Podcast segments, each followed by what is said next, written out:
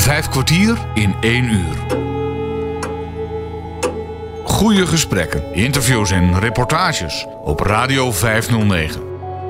Met gastheren Bas Barendrecht en André van Kwaabegen. Hallo, wees weer. Welkom. Hans Wensveen kreeg in zijn geliefde woonplaats Lisse een lezing over de Noordzee-Germaanse taal. Wikipedia zegt het zo. De Noordzee-Germaanse talen zijn een groep sterk verwante Germaanse talen en streektalen die in de buurt van de Noordzee gesproken werden. Hiertoe behoren het Oud-Fries, Oud-Engels en Oud-Saxisch. Deze talen kenmerken zich door een verzameling klankverschuivingen die zich, net als bij het Hoogduits, door contacten tussen buurvolkeren in meerdere of mindere mate hebben verspreid. Vooralsnog wordt het kerngebied waarbinnen al deze kenmerken zijn ontstaan en van waaruit al deze invloeden zich hebben verspreid, alleen geïdentificeerd met de Noordzeeregio's en niet met een bepaald volk.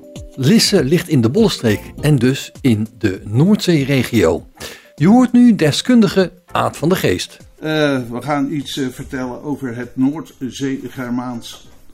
Dat is de taal die ongeveer van de 6e tot de 10e eeuw meestal aan de kusten, maar we hadden niet veel binnenland hier, uh, gesproken werd. En uh, in Zuidoost-Engeland, dat had te maken met handel uh, heen en weer.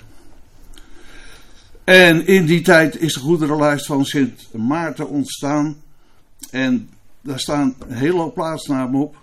Wij doen vanavond de Bollenstreek uiteraard. En dan gaan we kijken of er in een straatbeeld nog iets van over is. Um, nou, hier zie je zeg maar uh, de bewoonde gedeeltes van uh, dat Noordzeegebied. De kusten in de Romeinse tijd, de groen. En op de andere kaart uh, in het oranje een beetje de, de Friese gebieden. Dus ehm, dat Noordzeegermaans dat kwam alleen aan de kusten, zeg maar. Het is ontstaan uit het Westgermaans, Keltisch en Oud-Neder-Frankisch. En we doen enkele voorbeelden uit het gebied van de Duin- en Bollenstreek in historisch perspectief. Um, wat zit erin? Wat kan erin zitten? Weet nooit helemaal zeker. Oud-Saxisch, Fries, Gaukisch, daar moeten we mee oppassen. Uh, het kan ook uitgesproken worden als Kaukisch, maar daar komen we nog op. Uh, de taal van de Angelen en de Juten. Gaelic, dus dat is eigenlijk het Iers-Keltisch. De Noordzee-Germaanse klinkerwisseling is geënt op het Keltische. Brits-Keltisch, Oud-Neder-Frankisch. Uit het gebied van de Lex Salica, daar komen we allemaal langs. Dus, uh, Pre-Germaanse plaatsnamen en de aanwezigheid van Kelten in Nederland.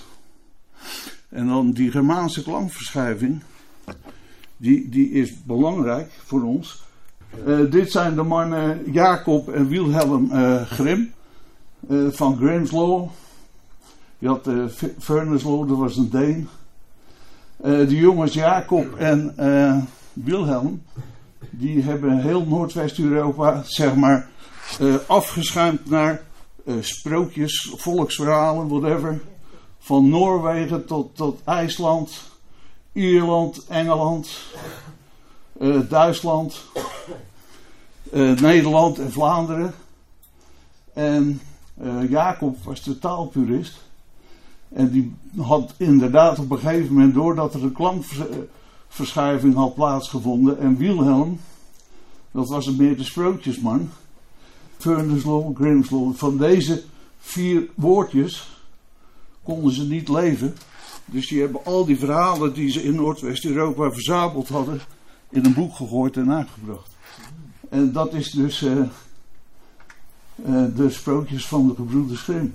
Okay. Ze zullen ze aangepast en veranderd en langer gemaakt hebben, maar de, de basis die uh, hebben ze uit heel Noordwest-Europa. en naast Germaanse komen in Nederland ook veelvuldig pre-Germaanse plaatsnamen voor, waar geen verklaring voor gegeven kan worden. En in sommige streken treft men alleen Germaanse namen aan. Terwijl het uh, elders, zij het gemaskeerd, naast latere Germaanse ook pre-Germaanse namen voorkomen. En ja, dit is uh, mijn maatje van Tol uit, uit Laren.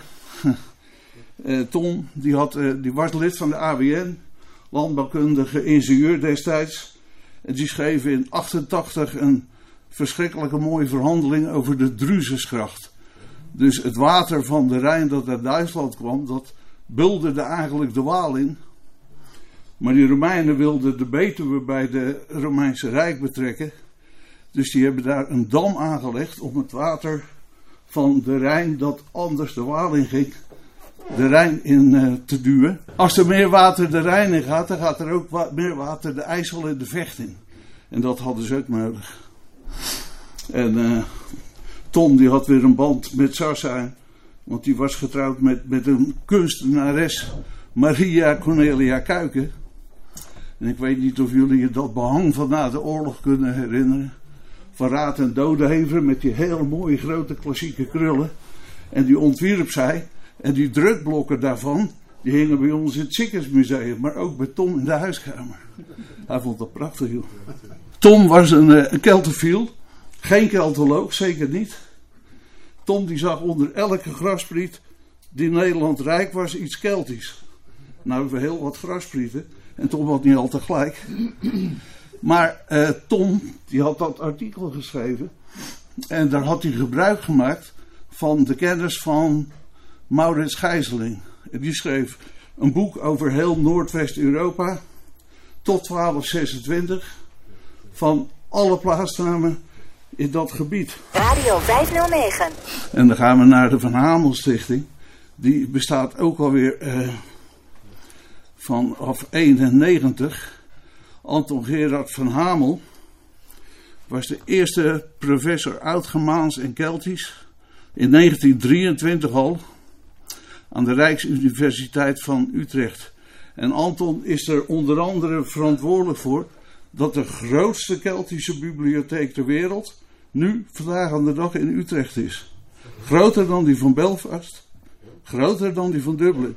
Niet als die jongens samen zouden werken, maar dat zit er daar nog steeds niet in. Dus de grootste Keltische bibliotheek, die zit in Utrecht.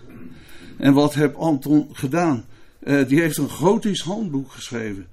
En hij heeft meegewerkt aan, aan de het boek van Jan Loopstra, de assimilaties van de rechtfriese, van de oud-Friese rechtsoorkonde, 13e eeuw zo, vond dat plaats. De K wordt een TJ of een TSJ.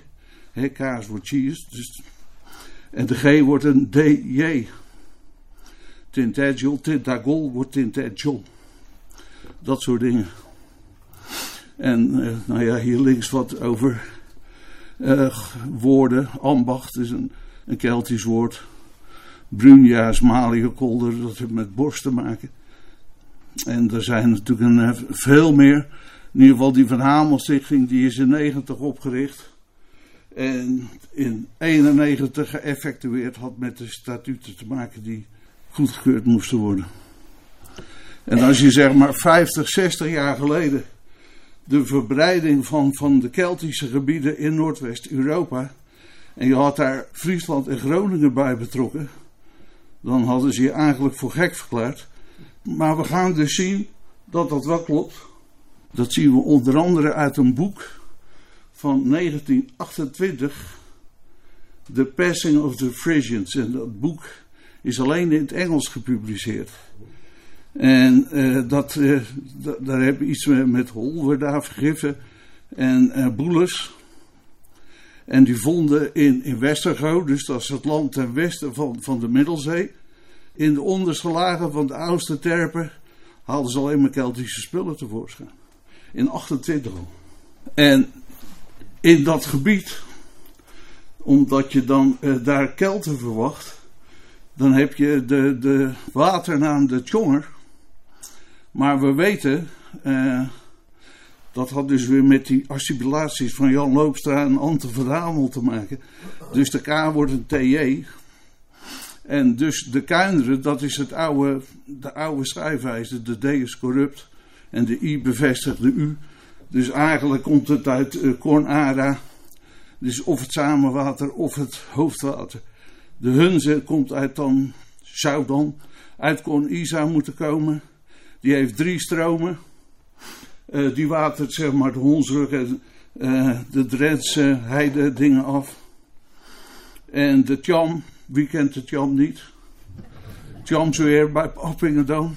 Komt Harm Kuper vandaan. Eh, dus de bochtige, kam is, is de bochtige. Het zit ook in ons woord kam. Of je het gelooft of niet, zit erin. Daar komt het ook vandaan. Die kammen die waren vroeger altijd gebogen.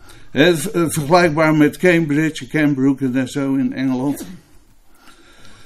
Ja, dit is wel een hele aparte, want eh, in dat boek van 28 staat dus dat eh, de oudste terpen van Europa, die liggen niet in Friesland of in Groningen, maar in die grote bocht van de Maas. En die zie je hier waar Parisi hier staat. En in Engeland, bij York had je ze ook. Castra Hercules eh, ligt daar ergens maar in een zwijk. Die terpen, die oudste terpen liggen in die bocht. En later vinden we ze dus terug in eh, Friesland. En het ge- de gein is dat die Friesen zeggen, we komen uit Troje. Dat is dan een mythe of een legende of een sage. En ze zeggen ook, wij stammen af van een Indische prins. En dat werd dan uitgesproken met een ph, maar of dat vroeger zo was, Pharos of Paros. Als je die twee inlichtingen gaat combineren en je gaat terug naar Troje, stel dat ze gelijk hadden, dan kom je bij Paris uit. De naam Parisi is namelijk niet te verklaren. Niet Germaans, niet Keltisch. Ja, dan praat je 600, 700 voor Christus. Die, die, die kaart van, van eh, eh, de Romeinen, de oudste flarden daarvan, die zijn teruggevonden op het paleis van Augustus. Fragmentarisch, er waren nog brokjes van over. En het vermoeden is dat hij een hele grote muur had waar hij die kaart van Europa op had staan. En wat deden die eh, Romeinen? Die wisten van die eh, Griekse jongens ongeveer waar die eh, stammen woonden. En hoe de wateren liepen. Naarmate de veroveringen vorderden, gingen ze de plaatsnamen invullen. Maar ze begonnen dus met de stammen. En de Parisiërs staan hier in die grote bocht van de Maas. Daar is Parijs naar vernoemd. Daar is later Parijs naar vernoemd, dus die zijn gesplitst. Maar ze zijn ook in Engeland terechtgekomen. Als stel, je bent een, een afstammeling van Faros of Paros en je komt uit Troje. Als je dus een volgeling van Paris bent, en er wordt een stam, dan zou je kunnen bedenken dat je je de Parisië gaat noemen. Ik heb het met een van die knapen van de Van Hamel Stichting over gehad. Want als je Parisië eh, de Germaanse klankverschuiving op, op loslaat, krijg je Farisii. Als de klemtoon niet op de A ligt, valt hij weg. Nou ja, Peter Schrijver zei destijds, die vond het stoer. Maar hij zegt, waar is die A gebleven? Ja, die is Caesar ook weggevallen. Als je denkt aan het Russische woord Tsaar dus. Of het zo gegaan is, dat hou ik in het midden. Je bent samen met Hans Wensveen aanwezig bij een lezing over de Noordzee-Germaanse talen. Een groep sterk verwante Germaanse talen en streektalen die in de buurt van de Noordzee gesproken werden. Nou, hier heb je in het midden heb je dus eh, een hele hoop schrijfwijzers van die, van, van die Friezen. En hier nog wat. Zo komen ze in met diverse eh, schrijvers uit de antieke oudheid komen ze zo tevoorschijn. En dan komen we bij de kuik van Plinius. Plinius de oudere, die eh, leefde zo'n beetje halverwege de eerste eeuw. Hij is komen te overlijden rond 79 na Christus. Maar die schreef, iedereen zegt altijd, hij schreef over de Friezen. Maar dat verhaal over die overspoelde terpen, dat komt bij, bij de Kuip vandaan. En dat, dat, is de, dat is uiteraard de vertaling van het Latijn. Dus dat verhaal over die eh, overspoelde terpen en dat het net eh, jongens waren die daar zeg maar eh, zeelieden van het omringende land, schipbreukelingen, dat was het woord wat. En dat gaat dus over de Kuipen. Die woonden eigenlijk in Friesland niet, maar daarnaast Groningen, Oost-Friesland, Oost-Friesland in, in Duitsland. Dus de Friesen zaten zo'n beetje Noord-Holland, Friesland, tot aan de Eems. En dan krijgen we de Kuip. Maar wat, wat leuk is, Ptolemeus, die gooit ze samen met de Menapiërs zo rond 150 eh, na Christus gooit hij ze in, eh, in Ierland. En eh, we zijn er ook altijd vanuit gegaan dat de Kauken die zijn, dat dat ook inderdaad Kelten zijn, want hun naam is gegermaniseerd tot Hugonen. En de Deense koning Hugelak, eigenlijk letterlijk betekent eh, de wet van de Hugonen, oftewel van de Kauk. Maar de schrijfwijze van meneer Ptolemeus, die staat mij het meest aan. Je ziet links daar uh, die gemaakte klankverschuiving van Grim en van Werner. En de K wordt een H. En dan, als die C dus geen stress op staat, dan wordt het een G. En dan kom je op Hugonen. Dus je kan, als je terugschrijft, kan je zeggen, inderdaad, de Kauk wordt een Hugoon. En dat gingen later weer op in stammenverbond van de Franken. Vijf kwartier in één uur. Als we nou naar punt 1 gaan, één laatste regel, dan uh, zie je een scheiding ontstaan tussen Keltisch en Germaans. Uh, Flevo, dus Indo-Europees pleu, Latijn pluvis, stromen. Uh, als je daar dus de, op dat pleu en pluvis, zeg maar, de Germaanse klankverschuiving doet, dan krijg je Flevo. En dan kom je tot Castellum Flevum. En dat was in uh, Germaans grondgebied. Maar de Kelten, uh, dus dat komt dan uit Indo-Europees, de Kelten, die gebruikten dus niet de initial P. En dan krijg je dus leven Fano. En dat betekent dan eigenlijk, hij zegt Flevo-tempel, maar omdat het stromen is, zeg ik liever uh, het heiligdom uh, bij stromende water. Alle liftnamen in uh, Ierland en de leeuwennamen in Nederland komen van dit woord af. Beneden en boven leeuwen, dat is gewoon stromend water. Uh, dus Castellum Fleven, wat geïdentificeerd wordt als, als wijk, Castellum onder de Wijkertunnel, wat natuurlijk in de, in de jaren 70 van de vorige eeuw is opgegraven. Dat klopt dus eigenlijk niet. Nou, ik zoek het eigenlijk. Het is dat ze daar archeologisch Ja. iets gevonden hebben wat overeenkomt met de verslagen van die Friese opstand. 28 na Christus. Ja, 28 na Christus. Maar ik zoek het zelf. Kijk, daar zit dus, die schrijft letterlijk, lees het maar na in zijn, in zijn boek. In, Fries, in het Friese land heeft negen versterkingen. Negen Romeinse versterkingen. En we kennen er twee of drie.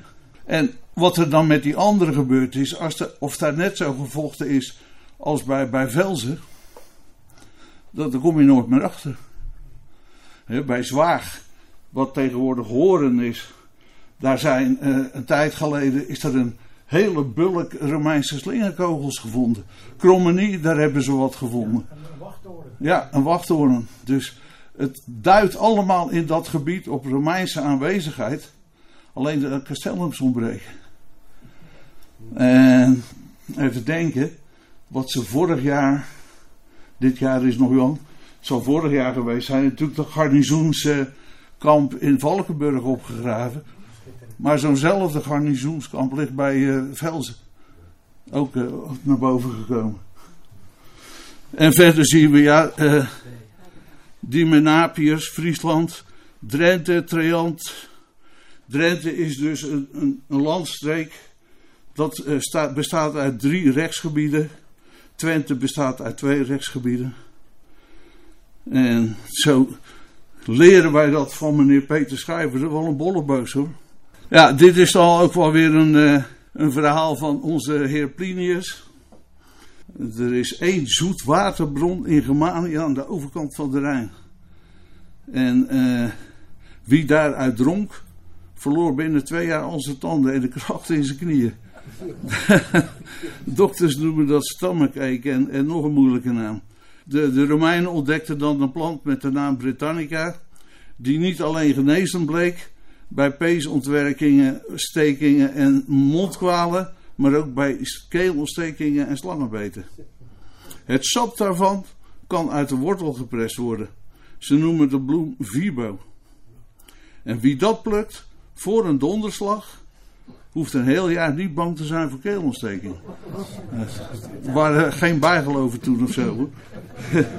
maar Maar wat het leuke is, de Friese, bij wie onze legerplaats lag, was een stam die toen nog trouw was. Dus dit verhaal slaat op voor 28 na Christus, want toen had je de Friese opstand. En die hebben we hier. Uh, in 28, de Friese waren niet zozeer veroverd, maar wel schatplichtig. En er werd belasting gegeven, de jongens gingen het leger in. En ze moesten koeienhuiden leveren, maar dat werden die Olenniërs, die, die, die belastinggaarden, die vond dat te klein en die wilde oeroshuiden. Maar die hadden ze niet. Dus uh, er werden vrouwen en kinderen verkwanseld om aan de verplichtingen te voldoen, totdat het genoeg was. En toen kwamen ze in opstand terecht. En ze hebben de Romeinen verslagen in het Baduena Lucas, de strijdwoud. En dat komt overeen met wat we later in de geschiedenis vinden, de, de overwinning van Arthur uh, bij Mount Baden. Dus eigenlijk dezelfde stam van het woord. Is wel leuk om te vertellen, vind ik zelf altijd. Arthur was smid. Wij denken altijd Arthur was koning. Want dat leer je in die 12e, 13e eeuwse leger, uh, ridderromans, maar die waren bedoeld voor de kruistocht om zieltjes te winnen. Uh, Arthur was smid, waarom? Als je teruggaat naar de structuur van de Keltische samenleving, uh, dan is de druïde het hoofd. Dan loopt er een soort burgemeesterachtig iets rond die niks in de melk te brokkelen heeft. Maar als het spannend wordt, dan zoeken ze de sterkste man. En in 9 van de 10 keer was dat uh, de smid. Er was ten eerste een knaap die, die sterk was. En hij werkte met de elementen aarde, lucht, vuur en water. En er was symbolisch uh, over de vier seizoenen. Waarom was Arthur nou geen koning die zwaard uit de steen trok? In die tijd waren er nog geen aanbeelden. Men smeedde op platte steden. En dan komt het, het, de kern van het Keltische verhaal blijft altijd overeind. Dus Arthur die smeedde op een steen. En daar komt overdrachtelijk dat, dat gekke verhaal van dat zwaard uit die steen vandaan. En dat is ook het bewijs dat hij smid was. Dit, dit is dan uit een verhaaltje van over Tintagel, maar gelijk na zijn dood wordt hij genoemd in de Annales Cambriae, in het Welsh. Uh, gaat over zijn zegen bij Mount Baden, die dan rond 1314 of 503, 504 zou hebben plaatsgevonden. En dan nog wat uh, data wat die nog, waar die nog meer vernoemd wordt. Vijf kwartier in één uur. Vandaag ben je samen met Hans Wensveen te gast in Lisse en hoor je een lezing over een groep sterk verwante Germaanse talen en streektalen die in de buurt van de Noordzee gesproken werden. Straks gaat het onder meer over de goederenlijst van de Sint Maartenskerk in Utrecht. En dat is de eerst geschreven bron over de namen van plaatsen in Nederland. Maar eerst gaan we nog even terug naar het jaar 28, toen de opstand van de Friese tegen de Romeinen plaatsvond. Je hoort Aad van de Geest. Op Radio 509. We gaan even terug naar die Friese. In het midden zie je die hoeve van Cryptorix. Dat was een Fries, geloof het of niet. Dus ook weer een bewijs dat die Friesen natuurlijk toch wel iets Keltisch nog in, in zich hadden. Er was een veteraan en na de opstand is er 400 man. Die, ze hadden eerst 900 mensen over de kling gejaagd, die Friesen, in het uh, Woud. En toen zijn er 400. Dat was natuurlijk uh, een ja, knaap die had in het uh, Romeinse leger gediend. En die kreeg dat een stukje grond als hij het haalde. En dat was meneer Cryptorix. En daar hebben 400 Romeinse legionairs eh, elkaar zelf eh, om het leven gebracht om niet in handen te vallen van de Friezen. En die twee koninkjes die daaronder staan, Veritus en Malorix, dat zijn ook weer van die heerlijke uh, Germaanse namen natuurlijk. Die gingen later uh, in die eeuw naar Rome om meer land voor hun volk te vragen. Veritus, dat wordt vertaald als de waarheidslievende. En Malorix, dat heeft iets met geding te maken, een soort rechterachtig iets. Tegenwoordig hebben we Corina uit Wenen. Die doet iets in, met oud-Germaanse uh, godennamen. en de germanisering van Keltische godennamen. Aan het eind van de eerste alinea schrijft zij van uh, er, is, er is er eigenlijk geen een zo oud uh, als Baduena. En Baduena is versluierd Keltisch eigenlijk, daar komt het op neer. En het is Keltisch, cultuurhistorisch goed verankerd. Bad Badu is strijd in het Keltisch. Een vervoeging daarvan is dan Baduena. Dus het is niet zozeer gezegd dat, dat Wout al Baduena Lucas heette, maar het is daarna vernoemd omdat daar die strijd geworden is. Werd die plaats zo genoemd. Dus met Mount Baden in, in Engeland natuurlijk precies hetzelfde. En waarom weten we dat? Omdat dat eigenlijk eh, equivalent is aan, aan de Ardennen, vernoemd naar de godin van de hoogten. En Nealenia hebben we dan. Daar zit het woord halen in. En halen is dan weer een, Keltische uh, klankverschuiving. Henlis is hetzelfde als Sendlis. Sendlis zou betekenen het oude heuvelfort. En Henlis is ook het oude, oude heuvelfort. Salen is zout. Uh, Teruana, dat zouden we zo niet herkennen. Maar in het Hollands of in het Vlaams herkennen we dat dan wel als Terwaan. En dat komt dan van Taru, daar herken je Toro in, stier. Uh, de Keltische W wordt uitgesproken als een oe. Dan weet ik niet of jullie wel eens gehoord hebben van het oe-relict. Maar dat is die typisch Katwijkse W. Where. Dus als je, als je elke W het Katwijks uitgesproken met een klein oetje ervoor, dan heb je hem al. En er zijn taalpuristen die zeggen toch, dat komt toch wel een beetje uit, dat Oewerelijk komt toch wel een beetje uit Keltisch vandaan. Vijf kwartier in één uur. En dan, nou gaan we hard hoor. We gaan naar de kroften. En de kroften, die vind je alleen op de zandgronden van Noord- en Zuid-Holland en in Kent. Dat is gek. En uh, tegenwoordig, zitten ze, zit, tegenwoordig zijn er meer in, in, hoe heet het, in Schot. In Schotland. En op de eilanden, de hybride daar die kant op. Maar uh, het is van oorsprong een Hollands of een, een, een Nederlands woord. In etymologie afgeleid van krocht. Uh, krocht, moet je voorzichtig mee zijn, want het wordt wel eens vertaald door de krochten van je ziel. Maar dan mag je niet vergelijken met deze krochten, want die komen uit het woord kroft. Als je de krochten van je ziel vergelijkt met krocht, dan kom je niet uit. Het is kroft. En een krocht is een verhoging en de krocht van je ziel is een diepte. Ja, maar dat is een heel verschil. Daar wordt vaak aan voorbij gegaan. Het is weer zo'n prachtig uh, ding. We gaan eventjes naar de onderste twee. Uh, West, Noord-Germaans. Dat ligt aan de oostkust van Engeland. Want dat is het westen van de Noordzee. En dat verstaan ze dus onder Angels en Saxisch. En Oud-Noordzeegermaans en dan komen we weer aan het gebied van, uh, van Kent. Waar dus, uh, in Kent zijn dus alleen de kroften en in Noord- en Zuid-Holland. Maar het Oud-Noordzeegermaans, dat verstaan ze dus onder het Kents, het Fries en het Kust-Nederlands. Dat heeft een oorzaak. We gaan terug. Als je de Beowulf, dat is oud uh, verhaal uit de 5e, 6e eeuw, wat waarschijnlijk uh, uh, zeg maar mondeling mee is gegaan naar de andere kant. Het gaat over de Friese koning Finn, Finn Volkwalding, de zoon van meneer Volkwald, koning van de Friese. En Finn die had een, een zoon Gerolf, als je het goed leest in de, in de Beowulf. was getrouwd met een Deense prinses.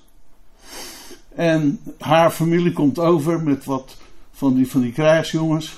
Die worden ondergebracht daar. Het wordt winter. Ze vervelen zich, ze gaan vechten met elkaar. Finn wordt gedood, die zoon van Finn wordt gedood. En die uh, Deense prinses nemen ze mee terug naar uh, Denemarken in, in, in het voorjaar als het weer gaat.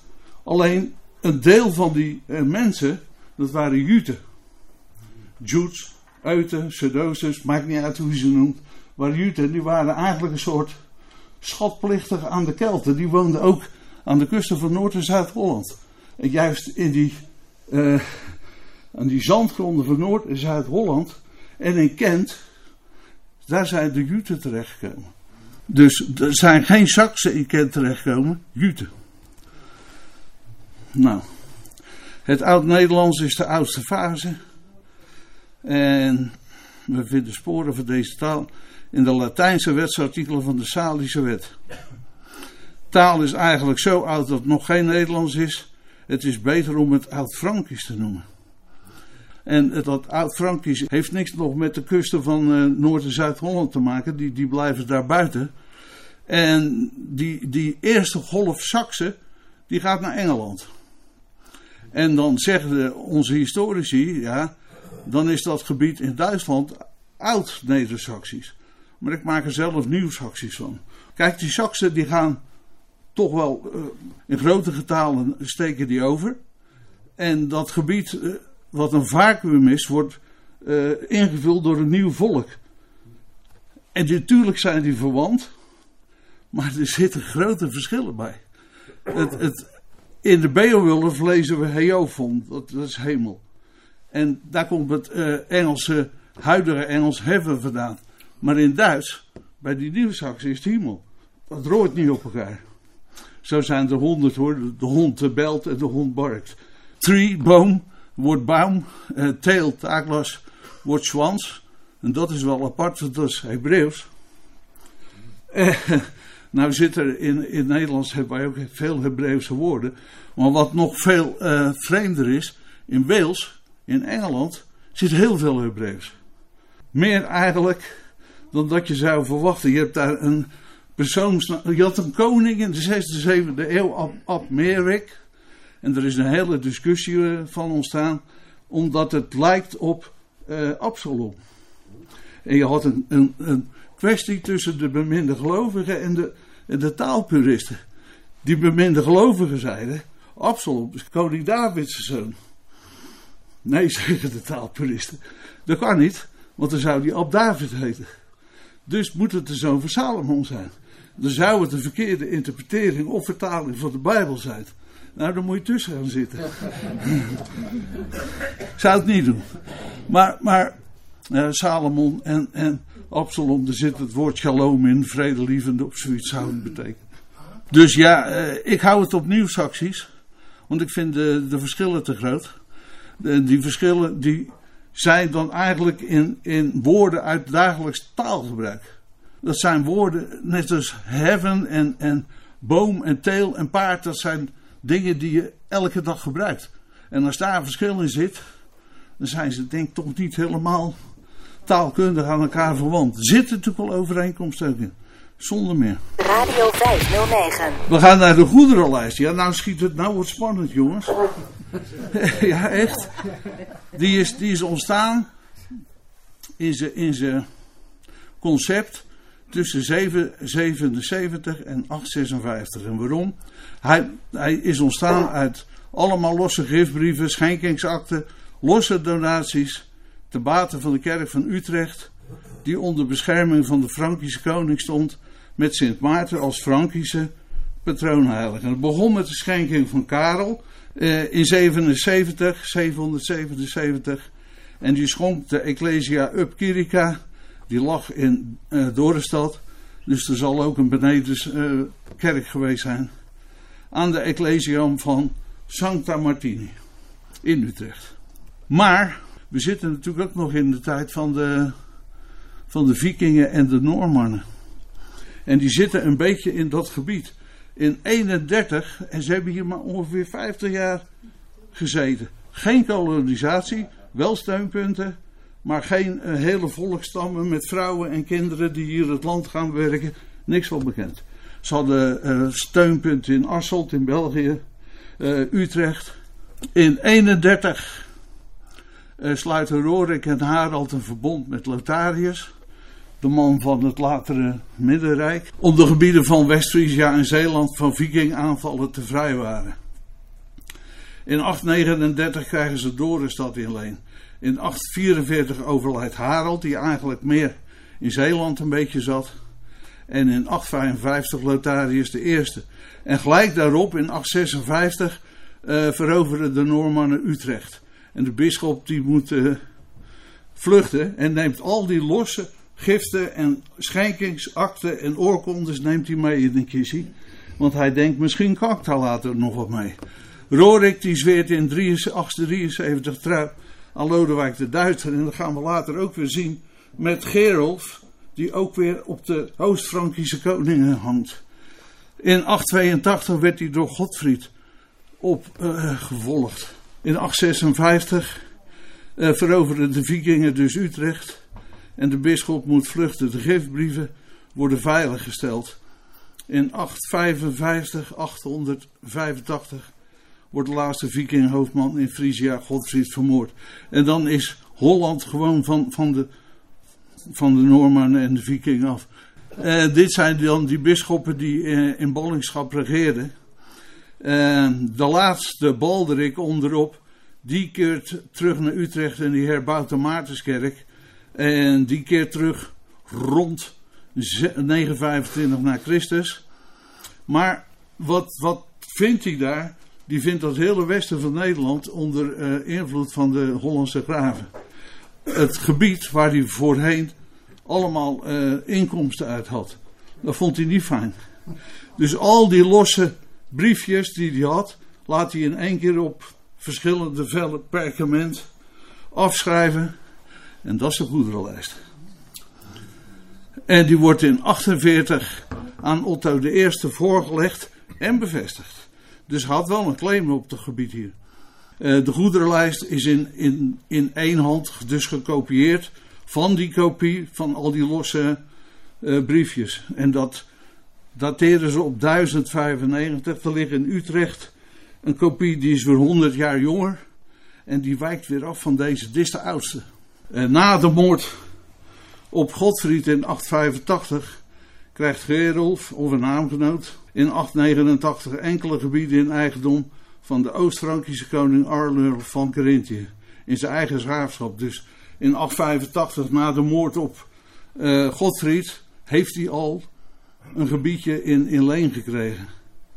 En het graafschap van, van, uh, van Gerolf was gelegen aan het eind van de Rijn en komt mogelijk overeen met het gebied op folio 43 van de goederenlijst, waarop de visrechten van Gerolf aan het einde van de Rijn uh, beschreven staan.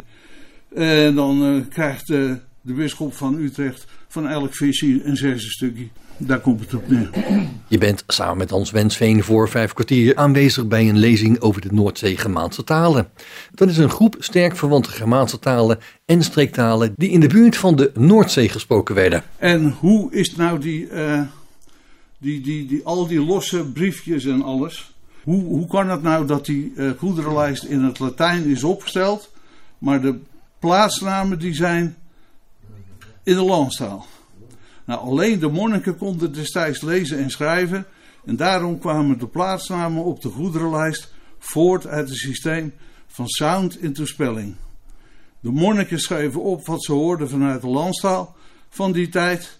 En vertaald in hun eigen kerklatijnse spelling kwam tevoorschijn wat wij nu lezen. En waarom kerklatijn? Dat wijkt toen al af van het Vulgo-Latijn. Dus je kan het niet, het Latijn van Italië, je moet het kerklatijn erbij halen. Anders dan mis je weer wat. Dit is dus het afschrift uit uh, 1095. Begint weer met die visrechten van Gerolf. En dan hebben we wat plaatsnamen in het groen. Lux had daar ook nog bij gekund, zie ik.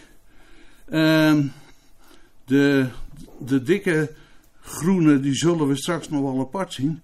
En eh, de onderstreepte Warmelde de Zwarmond, Wilkenhem in het midden zeg maar onderstreept, dat weten we niet. Alleen het vreemde is, vooruit komt onder die naam niet voor in de goederenlijst. We vermoeden dat het voorheen mogelijk Wilkenhem ge geheten heeft. Er was wel een riviertje, de Wilken, die liep vanaf Rijnsburg die kant op. Maar het kan ook een eigen naam geweest zijn. Uh, helemaal onderop zie je Halen, Velzen en Vennep. Dat is allemaal nog wel. Uh, Noordgoot daarboven. Dat, dat, dat, dat herkennen we allemaal wel. Maar dit afschrift is dus uit 1095. Dit is de goederenlijst. Folio 43. Heel belangrijk voor ons. We gaan even terug naar Warmond. Warmond en Egmond, dat zijn eigenlijk namen eh, wat, wat wel Germaans is, maar geen kustgermaans. Alleen dat mond komt uit man. Ja, ik kan het ook niet helpen. Eh, in, het midden, in het zie je Bad Munder am Dijster. Ik heb daar gedorie 15 maanden in mijn dienstlof rondlopen huppelen. En ik heb nooit geweten dat dat, dat eigenlijk eh, later, eh, 50 jaar later nog eens terug zou komen. ja, dat is heel apart. Maar eh, kijk, de woordstam man als waternaam, die is natuurlijk al eerder onderzocht. En staat vast dat in het Westgermaans een woord menne, minne bestaan heeft. Dat vooral in West-Duitsland en in de Nederlanden gebruikt werd als waternaam. Maar ik voeg daar aan toe ook als moerasnaam. Dortmund, dat is eigenlijk Tremonia, dus dat is, er komen drie rivieren bij elkaar. En eh, dat schijnt, dat, dat, ja, dat is uitgezocht. Schoenveld is natuurlijk een hele belangrijke man geweest op dat gebied. Eh, we hebben in, in, in Sassa de Menneweg, en die heette vroeger Mannenweg, daarna Minneweg, nu Minneweg, Menneweg. En die, dat zou in Lisse de Broekweg geheten hebben. Uh, het manpad in Noord-Holland, bij, bij Bennebroek Heemstede, die kant op, die loopt vanaf de strandwal naar het laagste punt van het moeras. Ja, nu is dat dan de Leidse Vaart. Maar goed, uh, Manderveen, het leuke is van Manderveen, dat lag in een oorspronkelijke, ja, geweldige moerasbende daar. En dat hebben ze natuurlijk allemaal gekoloniseerd en, en, en bouwland van gemaakt. Midden in Manderveen, daar hebben ze een heel klein plaatsje gesticht. Daar is een pleintje. Hoe heet dat pleintje? Het vierkant. Dat is toch leuk? Maar hoe heet het? Warmelde, dat, dat ja, uh, zeg het maar. Uh, als de L weggevallen zou zijn, dan zou je een U verwachten. Warm out of war, whatever. men denkt toch dat het via Warmunde, Warmoenie, uit Warmanne, whatever. Egmond is ook geen mondingsnaam. En uh, man, min, men, boent, moeras, water, echt is het eiland. En dan wat heel leuk is, het Muiden, dat is natuurlijk, dat komt uit Monding. Muton, dat is uh, Noordzeegemaans, vergelijkbaar Muiden, IJsselmuiden. Maar als je nou naar die onderste regel kijkt. Voor de oorlog, de Katwijkse vissers, die praten nooit over Plymouth. Dat was Pleimuien. Ze hadden het over Pleimuien, Jarremuien en Borremuien. Dat wisten hun veel, die kattekens. Dat, dat wisten ze niet. Dus dat is wel leuk. Vijf kwartier in één uur. Sassheim, zo staat het in de, in de goederenlijst. Als je dan linksboven krijgt, dan kriebelt je dus een afkorting. Dus dan moet een M staan. Een Horst, of eigenlijk Oost- en West-Sassheim. En vroeger leerde je op school, dat is de woonplaats van de Saksen. Totdat meneer Gijzeling komt, die komt later nog terug. Met die man ben ik bezig geweest. Die zegt, nou, stam van de Saxen, het kan ook van meneer Saxo komen. Dat is ook een mogelijkheid. Maar een jaar of wat geleden komt uh, Karel uit, uit Leeuwarden met een uh, verschrikkelijk uh, proefschrift over Friese waternamen. Die zeggen, jullie met je Saxen en je Saxo. Zaakde, zoals het hier staat, dat komt van Saaksna. En dat is gewoon een strandvlakte begroeid met zeggen. En aan weerszijden van die strandvlakte had je dan een strandwal. En daar zijn die nederzettingen op ontstaan aan de oost- en aan de westkant. Dus wie het weet mag het zeggen. Uh, bij mij in de achtertuin is het Zeggenveen anderhalve meter dik. Onder de voer. Dus ja, er zit wel wat in. Taglingtos, uh, Taglingi, zo staat het ook in de goederenlijst komt van het Germaanse woord voor staart. Tail in het Engels. Dors is douche. Moerasachtig kreupelaat. Dus dat behoeft verder geen, uh, geen verdere uitleg. Zijn er nou nog namen, vandaag aan de dag, die typisch Noordzeegermaans zijn? En die in het dagelijkse uh, beeld op het landschap uh, nog herkenbaar zijn. Eigenlijk de enigste is Oesgeest. Uh, Osbracht, Osfried, Osgeer en Oshelm. Het zijn allemaal godennamen. Dus we hebben uh, Osbracht, schijnend als God. Osfried, godsvrede. Osgeer, de goddelijke speer. Oshelm, de goddelijke bescherming. Eh, de, de klankverschuiving, Os komt uit ons, dat is. eh, eh, nee, ik moet beginnen bij Anst. Dat is eigenlijk West-Germaans, Noord-Germaans voor God. Met die eh, klankverschuivingen die op het Keltisch eh, geënt zijn, kom je op, ans, op ons. En de N verdwijnt voor de S, de T of de C. Als de daaraan voorafgaande klinker gerekt wordt. Dus Kel, dat komt uit Gaelic. Dus dat is Iers-Keltisch. Er zijn klankverschuivingen. Daar kan je niet onderuit. Die zijn er gewoon. Dus ans wordt os. En dan kom je dus bij die eh, namen op de goederenlijst uit. Wij hebben er vier. Engeland heeft op dezelfde breedtegraad misschien vijf of zes van dit soort namen. En dan houdt het op. Het is typisch Noordzeegermaans. Typisch Noordzeegermaans. En Oesgeest is daar dus eh, ja, een, eh, een hele goede zeg maar, afleiding van. En on- onder zie je dus eh, Fries, Us, dat komt ook uit ons, betekent eh, een dialectisch Us. Die, die Friese jongens die bij mij in dienst zaten, die hadden het in, in begin 70 altijd over Us Atsen. Het was, toen de tijd had je Atje Keulen Deelstra, die won alles. Dus die waren daar trots op, was Us Atsen, Us Mem hadden ze. En ze wisten ook zeker dat het Friese leger het grootste leger ter wereld was. Dachten wij van, nou ja, weet je. Maar zeiden de jongens, ik weet zeker, want op elk legervoertuig staat het US Army.